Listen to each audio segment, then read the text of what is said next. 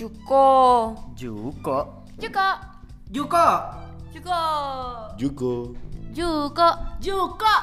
From jurusan komunikasi Binus University. Halo teman-teman semuanya, kembali lagi di Bincang Bersama FFDA. Firdaus, Fatul, Darren, dan Alvega. Oke, jadi pada kesempatan kali ini kita bakal bikin podcast nih tentang hobi-hobi kita sebagai anak-anak Gen Z Indonesia yang dan cowok ya. Dan saat ini kita masih menduduki uh, jenjang perkuliahan ya. Oke, jadi pertama gue mau nanya dulu nih ke Alvega nih. Kalau ikan lo itu hobinya apa sih? Halo Bro Darren, ini kenalin gue Arfi. Gue sekarang mau sharing tentang hobi gue nih. Nah, hobi gue itu udah pasti relate dengan badan gue yang gede nih. Gue suka banget namanya makan bro. Oh, makan. Makan apa nih, Bu? Boleh di-sharing nggak nih, Bu? Soalnya kebetulan kayaknya badan kita sama nih. Jadi hobi kita sebenarnya sama, sama-sama makan nih, Bu. Yo, bro, karena gue gede nih. Gue sih pengen banget jadi tanboy pun, bro. Gue pengen makan tuh bisa sebanyak porsi kuli gitu kan. Nah, kenapa oh. sih gue suka banget makan? Kenapa? Nah, alasan gue nih, bro. Menurut gue makan itu ya, bukan hmm. cuma sekedar kebutuhan primer manusia, bukan, bro. Tahu nggak ada hal lain, bro. Oh. Apa, Bro? Nah, menurut gue nih, apalagi di kalangan-kalangan Gen Z ya, makan itu uh. adalah sebagai self reward. Nah, itu dia. Oh. Itu yang penting, Bro. Self reward ya, Bro ya. Tapi kalau kan self reward, iya, karena semakin kita... kita sukses, berarti semakin gendut dong kita, Bro. Berarti lingkar perut tuh nah, bisa itu. di mengindikasikan kesuksesan kita, eh kebahagiaan kita gitu ya bener bener banget bro itu dia standar gue gak setuju gue gak setuju tuh ada yang gak setuju bro aduh ada yang setuju kenapa tuh? coba. Kenapa setuju? gimana bro Fatul coba bro kalau lingkar perut itu tanda kesuksesan mungkin sedikit populasi di dunia itu. Karena tingkat pertama yang kematian paling banyak itu obesitas. Wah Berarti Jadi kalau mau makan banyak kalau bisa diimbangin sama olahraga. Olahraga juga ah, Tuh. Berarti oh ini nggak boleh makanan nggak boleh jadi self reward, bo. Wah, ini kayaknya Fatur nih anaknya olahraga banget nih. Kalau boleh tahu nih hobinya apa sih ini si Fatur nih? Iya, olahraga, bro. Oh, jadi berkebalikan ya. Coba di sini teman kita satu lagi, Bro Firdaus coba. Ini hobinya makan apa olahraga nih? Kalau gue mungkin uh, lebih ke anak-anak muda umumnya ya. Gue nah, apa tuh? suka ke main game. Kalau oh, gue main, main game. game tuh rasanya kayak kehibur aja gitu. Jadi gue seneng banget kalau lagi main game. Oh, oke. Okay. main gamenya sambil olahraga? Apa sambil makan? Ah, enggak juga sambil olahraga, enggak juga sambil makan kayaknya.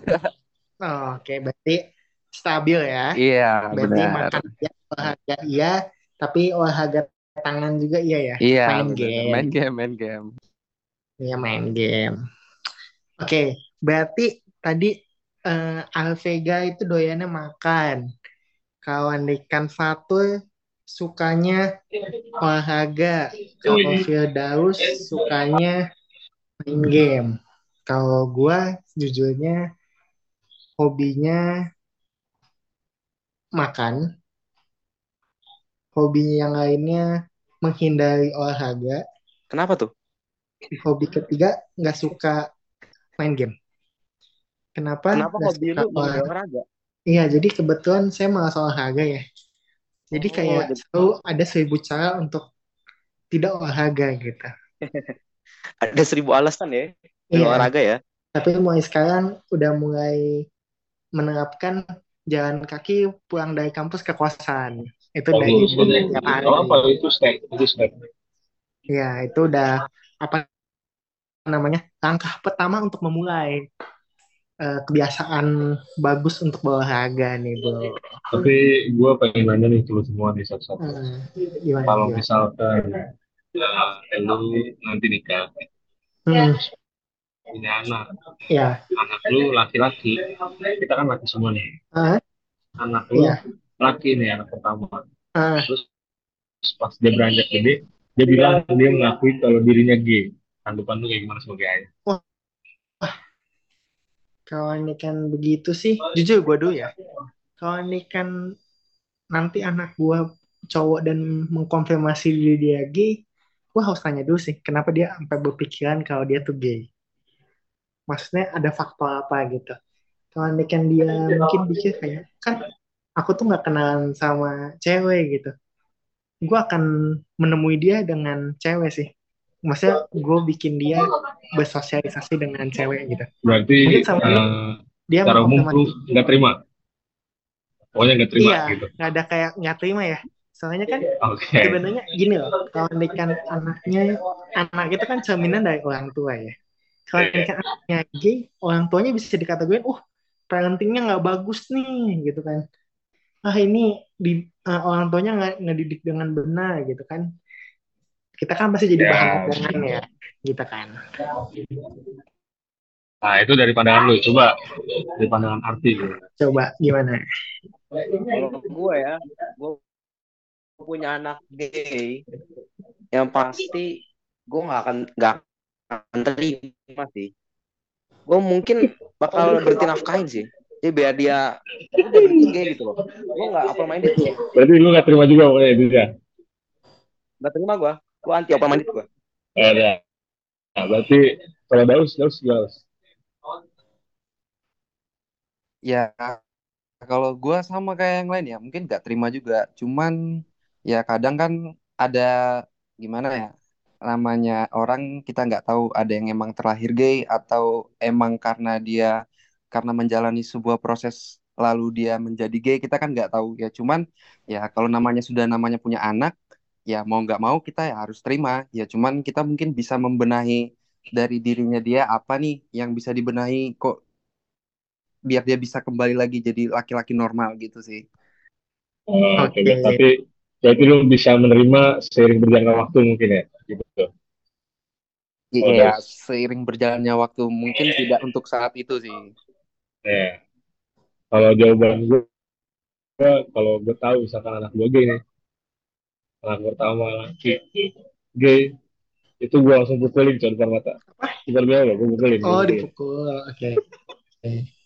Kenapa Gue tuh dipukul? gue masukin pesantren, kalau nggak masukin abri, tentara militer.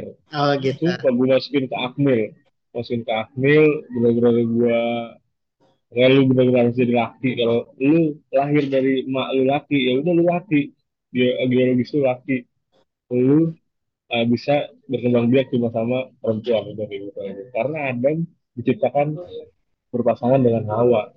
Bener ya? Betul, Bukan betul. Adam sama Husni bukan. Betul, betul. Tapi tapi gimana nih bro kalau semisalnya nih kan kayak ya anak-anak zaman sekarang nih banyak yang bilang ya kena mental, kena mental. Nah, gimana nih sama nasib mental anak lu nanti bro? Seandainya dipukuli atau lu mungkin marahin dia dengan cara yang lu bikin tuh gimana tuh dengan Oh mentalnya tetap, dia? tetap, tetap, tapi tetap gue bimbing. Walaupun gue pukulin, tapi tetap gue bimbing. Gak gue lepas.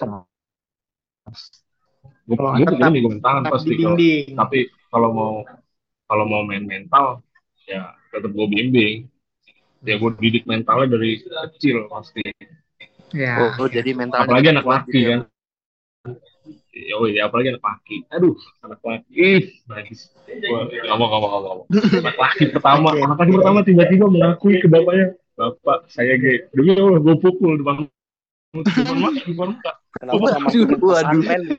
bro?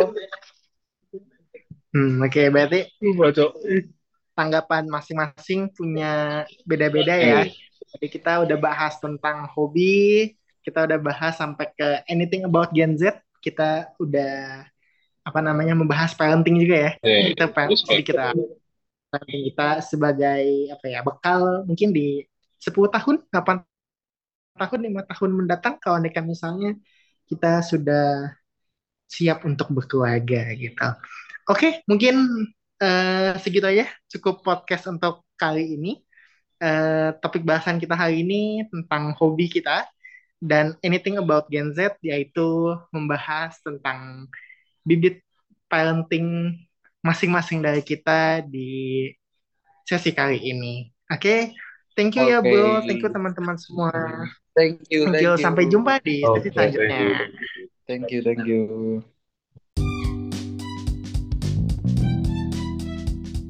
From jurusan komunikasi Binus University.